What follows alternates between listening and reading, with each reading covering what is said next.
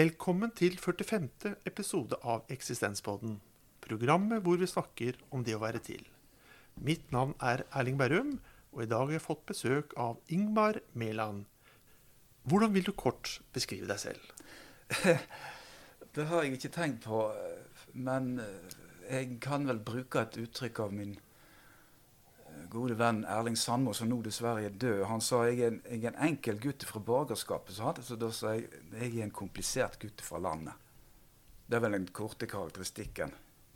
Min bakgrunn som bygdegutt, oppvoksen på 70-tallet, ikke sant, med en følsom natur, med mange tanker i hodet, som da til slutt førte til at jeg begynte å studere filosofi uten at jeg noen gang egentlig hadde tenkt at uh, det var noe for meg. Tvert imot. Hva tenker du kan være viktig å nevne om deg og ditt liv? Er det en episode eller situasjon eller erfaring som du syns er verdt å nevne, som har betydd mye for deg? Ja, da kan jeg svare på stående fot med en gang. Og det var at uh, da jeg var 22 år, så døde mor mi plutselig. Og da snudde fullstendig opp ned på tilværelsen. Og det og førte òg til at uh, jeg måtte ta meg sjøl mer på alvor. Og det rare er at det skjedde gjennom at jeg lovte mor mi, som da altså var død, at jeg skulle ta meg sammen. Så det er jo noe rart med det der at uh, Hva kunne hun vite om det? liksom, at, uh, Hvorfor skulle jeg forplikte meg for henne, som jo var død? Men det var sånn det kom i stand at jeg begynte å ta meg sjøl på alvor. Gjennom at jeg lovde mor mi, som nå var død, at nå skal du jammen ta deg sammen. Så da er vel den episoden i mitt liv som har vært definerende for den jeg er i dag. Du har også blitt bedt om å velge ut en grunnleggende dimensjon med det å være til som menneske. Hva har du valgt som tema for dagens program? Jeg har valgt sjølbedrag. Sjølbedraget er jo kjent. Det er noe som vi som mennesker ikke kommer utenom, tror jeg. Og det har mange sider. Det er lett for å forenkle hva det er snakk om. Og da jeg eh, begynte å ta meg sjøl på alvor etter at mor mi døde, så ble dette en veldig eksistensiell eh, problematikk for meg. Fordi jeg eh, innså hvor mange ganger jeg hadde løyet for meg sjøl eller lagt til sammenhenger hvor det var lett å komme ut av det som en som hadde æra i behold, uten at jeg hadde det. Men hva er det der å lyge sånn at du tror det sjøl, som hun sier?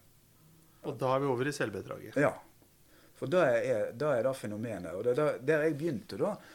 Når, når jeg som 22-åring bestemte meg for Eller ja, at det ble filosofi som ble mitt fag. Da, for jeg begynte egentlig å studere historie, men, men skifta over da mye nok pga. denne dette at mor vi dør. Det er det som Karl Jaspers kaller en grensesituasjon du kommer i du står overfor eksistensens grunnfenomen, døden. ikke sant? Og at det rammer som en lyn fra klar himmel.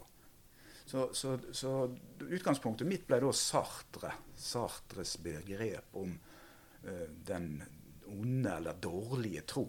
Mauvaise foi. Uh, og det er det andre kapittelet i den boka som heter 'Væren intet'. Og det som er poenget der, er jo at uh, bevisstheten er sånn at den er spalta.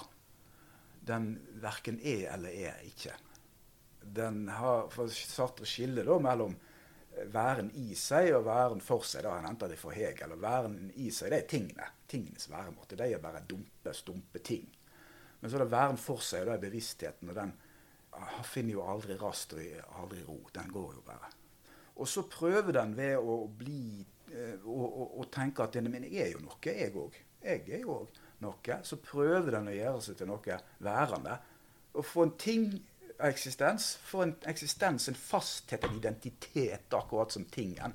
Men det er et forfengt prosjekt. sant? Den bevisstheten klarer ikke å, å, å, bli til noe, men den vil gjerne være noe. Og der ute av springer dette med den dårlige troen. Så det er motsatt av å være god tro. ikke sant? Den onde troen er at du vet at det, du, egentlig så sitter du inne med sannheten om deg sjøl, men du legger skjul på den. Og så er det spørsmålet hvordan er det mulig? Og da gjør Sartre en sånn uh, enkel uh, avfeining av Freud og hans teori om det ubevisste. Og så prøver han å skissere da en eksistensiell psykoanalyse ut ifra det. Det ble jo en, en, en ting borti USA, men da kan jo komme igjen. men det springer ut av den læra om at bevisstheten er spalta. Bevisstheten er noe, men likevel er den ikke noe sånn som en ting er. Og den syntesen av det som er og ikke er, da skulle da være prosjektet vårt altså forlene eller gi oss sjøl en identitet, som det heter i dag. Og mange i dag er jo på jakt etter et eller annet å feste seg ved 'jeg er sånn', 'nei, jeg er sånn'. Og det er et stort mangfold av kategorier. Det er jo ingen som vil bli kategorisert av andre. Men det rare er jo at en gjerne vil karakterisere seg sjøl som unik værende. Og, og, og trangen til identitet om den kommer innenfra eller presser seg på fra utsida, det er ikke så godt å si. Men i alle fall, det som jeg kom til, var at uh, grunnen til dette, denne spaltningen Da kan en jo selvsagt uh, diskutere om det biologiske konstitusjonen, men for meg ble det da Sartres analyse av, av tiden. Og dette har han ifra Heidegger og Bergson og, og, og Husserl de tre store tidsfilosofene i moderne filosofi. Men han lager det til sin egen blanding. Så da er det dette med bevissthetens tidslige organisering. Fortida, den er der. Men den er der som noe som er avslutta, da. Men, men, det er knyttet til minnet. Noe som har vært. Og så er det det som er nåtid, og det er det som er aktuelt, det som gjelder her og nå. Knytt til oppmerksomheten som en har, og det som oppmerksomheten er fanga av. Og så er det selvsagt framtidsdimensjonen, som ikke ennå er, men som skal komme. Spaltingen da, eh, ikke den i to, men den som tida fører til. For hva er det når vi sier at ja, men det er forbi? Nei, det er jo ikke forbi, for det er jo her i form av minne. Men det er jo ikke alt som er med oss. Det er bare det vi husker, som vi har lagt merke til, og som er litt viktig for oss. Og kanskje noe vi har forskjønna. Og samtidig så er denne hoveddimensjonen i framtida at det skal bli bedre etter hvert. ikke sant? Og Det er der sjølbedraget gjør seg gjeldende, fordi du kan spille på disse her. Dette er jo noe som Augustin analyserer som at fortida er jo fortidens nåtid. Den er jo her nå. Og nåtiden er nåtidens nåtid. Det er det her nå nærværende. Og så er det fremtiden også nå. Den er her som, som en forventning. ikke sant? Så plutselig er alt i et, et nå. da. Det betyr at disse her tidsdimensjonene er til stede samtidig, og at du kan spille på dem.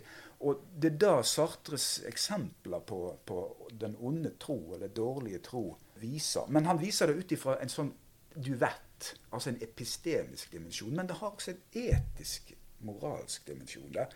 Du sier eh, spille på de tre tidsdimensjonene. På, på hvilken måte tenker du Ja, det der, de eksemplene til Sartre er litt interessante å, å se på.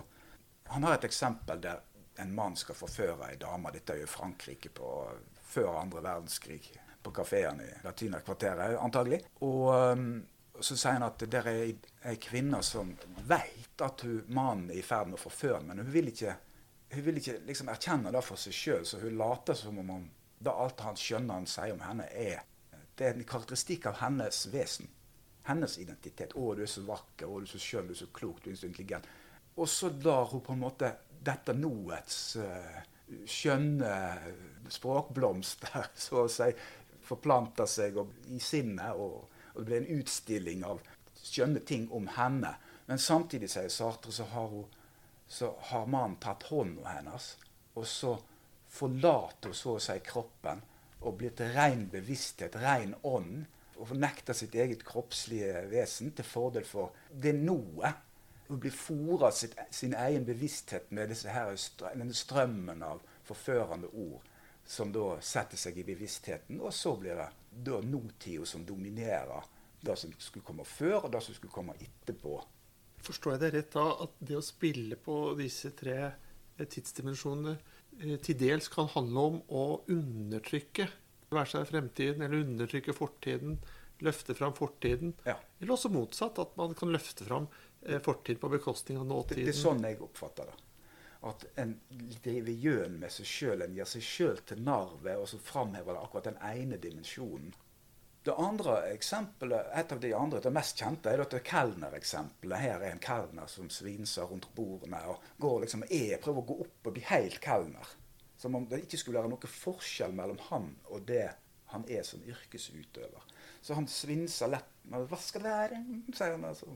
Den måten å prøve å virkeliggjøre en rolle på, da er å, å, å si at det du er, da er det du har vært. At du er kelner, og du prøver å bli til det du allerede er. Men det lykkes ikke.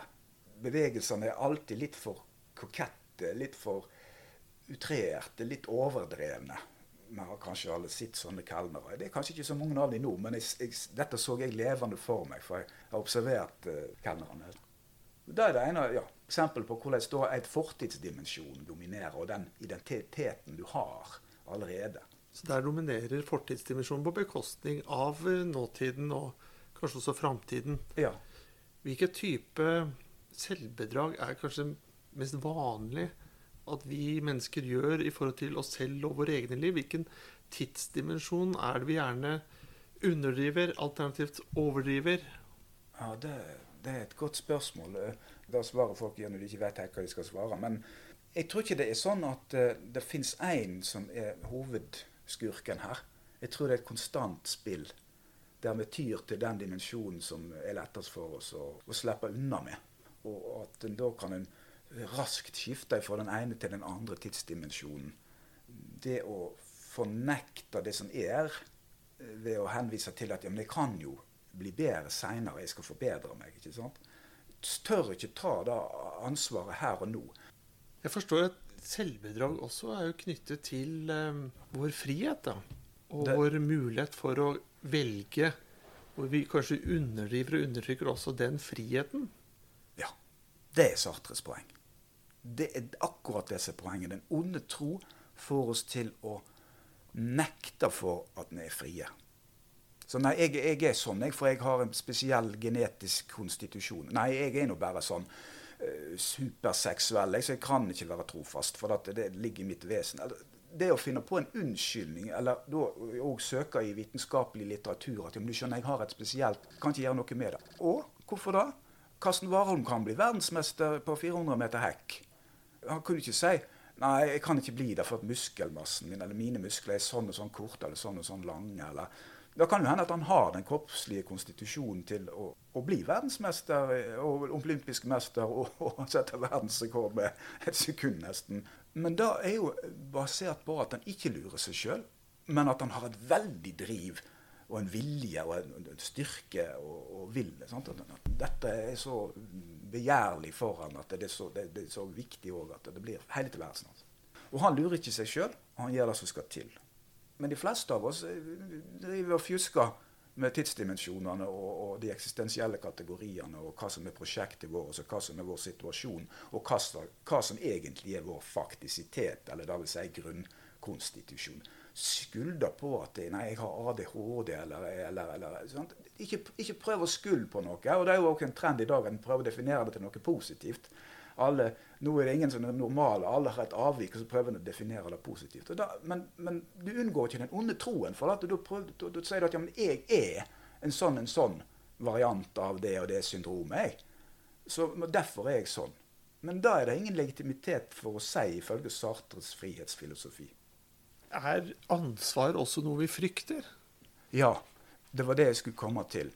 For da med ansvaret er den etiske dimensjonen. Nå, nå, nå, nå, har jeg sagt da litt sånn enkelt at Sartre er opptatt av den epistemiske dimensjonen. Han ser dette som et kunnskapsspørsmål, helt i tråd med den eh, kartesianske franske tradisjonen. Men han har jo lest eh, Heidegger, han har jo lest Hegel, han har jo lest Husserl. Han, han vet godt om den eksistensielle dimensjonen. og La meg før jeg går til den etiske si at eh, det er ulike aspekter. Det epistemiske, det etiske eller moralske. Men det er også et estetisk aspekt her knytta til det jeg sier med fryd og lyst, og, og, og, det å lage fantasier og bilder og fortellinger rundt dette her. Men så er det dette eksistensielle, som jeg forstår du er opptatt av, Erling. At eh, det, det, det er noe som er kommet litt ut av fokus for oss, som var i fokus på 30-tallet, og, og kanskje også inn på når eksistensialismen var på moten, kan du si. Men så ble det motebølge, og så kom strukturalismen, og så kom poststrukturalismen, og så kom det andre ting da, i løpet av 70-tallet.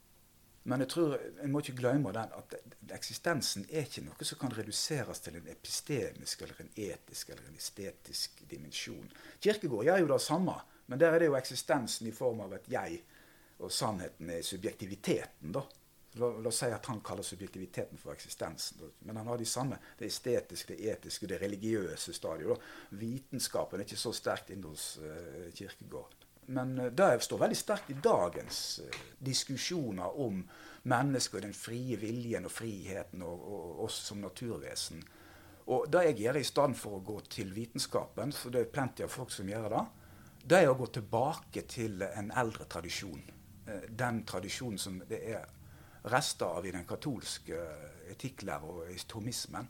Og det er læra om de syv kardinaldygdene og de syv dødssyndene. Det er et system. Og egentlig så er det den gamle typen sinnsfilosofi og kognisjonsvitenskap i mine øyne. Og Det syns jeg er mye mer interessant å utforske, for det er så rikt på materiale. Den nå avdøde uh, danske teologen og, og, og, og, retorikeren Jan Lindhardt han skrev en bok som kom ut i 2006, var det vel, eh, ja, som heter 'De syv dødssynder fra død til dyd'. Så han mener at uh, det som var dødssyndene, det er blitt til våre dagers dygder. Altså, Nå skal ikke jeg gå videre med dette. Dette kan jeg jo lese hos Jan Lindhardt i den boka som jeg nevnte. Men, men, hva har det med selvbedrag å gjøre? Og da er det er denne etiske dimensjonen som jeg er opptatt av. At det er en balanse mellom dygder og laster her. Og at lastene nå er blitt til dygder. Glemt dygdene mot måtehold, rettferdighet osv. Ser du noen sammenheng mellom Lindhards eh, bok eh, og innhold og, og Nietzsches moralske ideologi, hvor også du får en omveltning av eh, verdiene? Ja, det er nok det er nokså åpenbart at han har tatt det som en slags modell, altså omsnuinger eh, av, av, verdiene. Men analysen hans er jo en annen. Den, den vil jo på en måte beskrive synden i den moderne tid og hvordan den er forsvunnet. Og så moraliserer han ikke, men under her så ligger det nok et ønske om å adressere de problemene som oppstår når, når disse dødssyndene som hovmot, grådighet, lyst, misunnelse, fråtsing, vrede og sløvsinn slår inn i tilværelsen vår så sterkt. Vil du si at uh, disse dødssyndene og deres økende tilstedeværelse har skapt et større behov for selvbedrag i vår tid? Ja. Nå svarte jeg uten å betenke meg om som en dum klovn. Men uh, det, det, er min, det, er min, oppfatning. At det er behov for selvbedrag er veldig stort. Og det lager oss numne. Sensibiliteten vår blir svekka. På 70-tallet snakket vi om dette som avstumping, ikke sant? så det er jo gammelt nytt. Men jeg tror kanskje vi skal undersøke de gamle tenkerne altså i moderne tid, eksistensialistene, og også i det kritisk teori, en, en, gang til. En har liksom gjort seg ferdig med å sagt at de tok feil. Det er bra med populærkultur, og det er bra med alt dette der. Sånn så de var kritisk til. Nettopp pga. Disse, disse dimensjonene som jeg snakker om nå, at uh, innbilningskraften blir et industriprodukt. Det var jo Adorno og Horkheimers analyse i opplysningens dialektikk. at det, det som skulle være den innerste hemmeligheten i, i mekanismen i innbilningskraften, det er noe som blir produsert i Hollywood. De har en oppskrift for tåreperse og alt dette der. og Så lettpåvirkelig. ikke sant? Og motstår ikke dette her, for det spiller på de her grunnkonstitusjonene våre som, som følelsesmennesker. Og behovet for å, å rettferdiggjøre oss sjøl. Så det du spurte om, var, var jo dette med, med, med ansvar. Og, og, og, og um, Jordan Peterson han treffer noe, ikke sant? Han treffer noe som har med 'skjerp deg', nå må du skikke deg, nå må du stå opp om morgenen og redde senga di. Og, og, det er liksom å, å, slå et slag for noen dygder, da. Den etiske dimensjonen her, med det eksistensielle, den, den har fått veldig stor oppmerksomhet. Etikk er jo overalt. ikke sant? Og det er mange filosofer som har gått den veien, og det blir på en måte regna som en slags spesialdisiplin for filosofer. De tar seg av den etiske biten og, og, helhetsbiten, som de sier, litt paradoksalt. men, men, jeg tror det kan være lurt å ikke tenke på dette bare i i etiske og moralske termer, men nettopp vende tilbake til de eksistensielle temaene. Og da tror jeg det fins et veldig godt utgangspunkt i Norge hos Arne Næss og hans fortolkning av Spinoza. For der er det en, en glede og en lyst og en positivitet. Ikke en mangel, som hos Sartre. Ikke noe som skal hemmes eller knuges eller knyttes. Men du må styre det. var det som var poenget. At du må styre det, du må ha kontroll på dette her. Så det var da, derfor Michel Foucault ble så opptatt av de gamle grekerne på tampen av livet sitt når han skjønte at han skulle dø. Så skrev han jo om hele seksualitetens historie og fokuserte på dette med sjølomsorgen. Le souci. Vi har overlatt vår sensibilitet eh, til kulturindustrien i større grad. Det blir vanskelig for oss å komme i kontakt med vår egen følsomhet.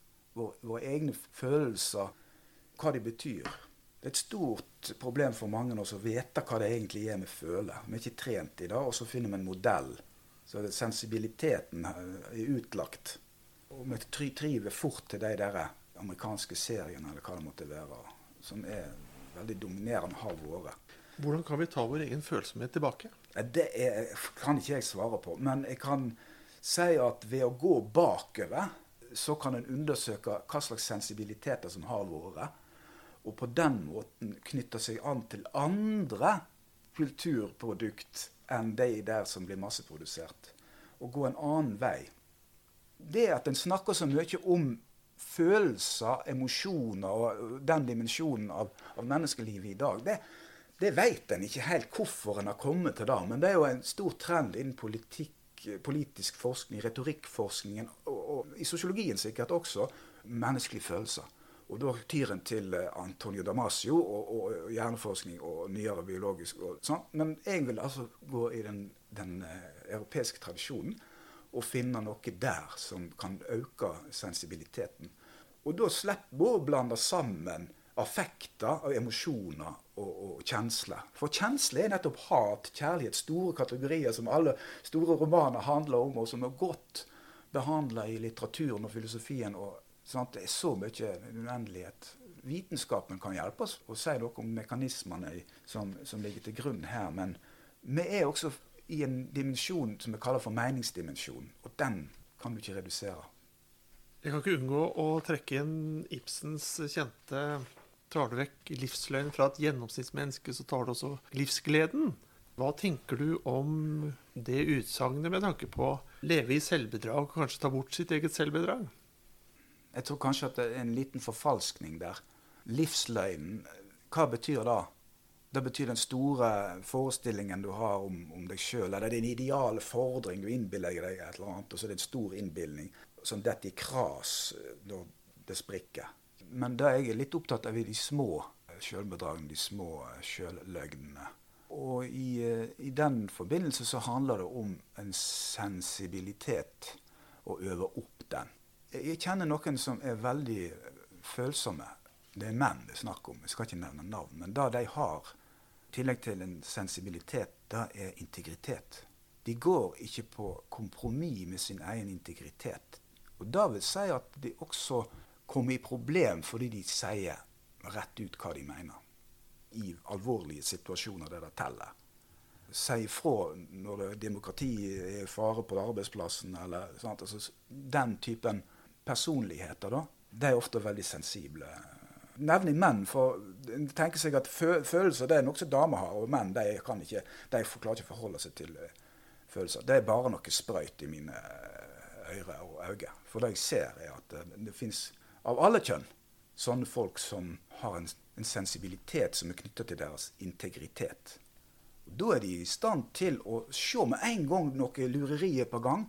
Sant? Noe lumske folk er på gang og da er de lumskere. Da må jeg være, slå raskt ned på det. Ikke la det fare.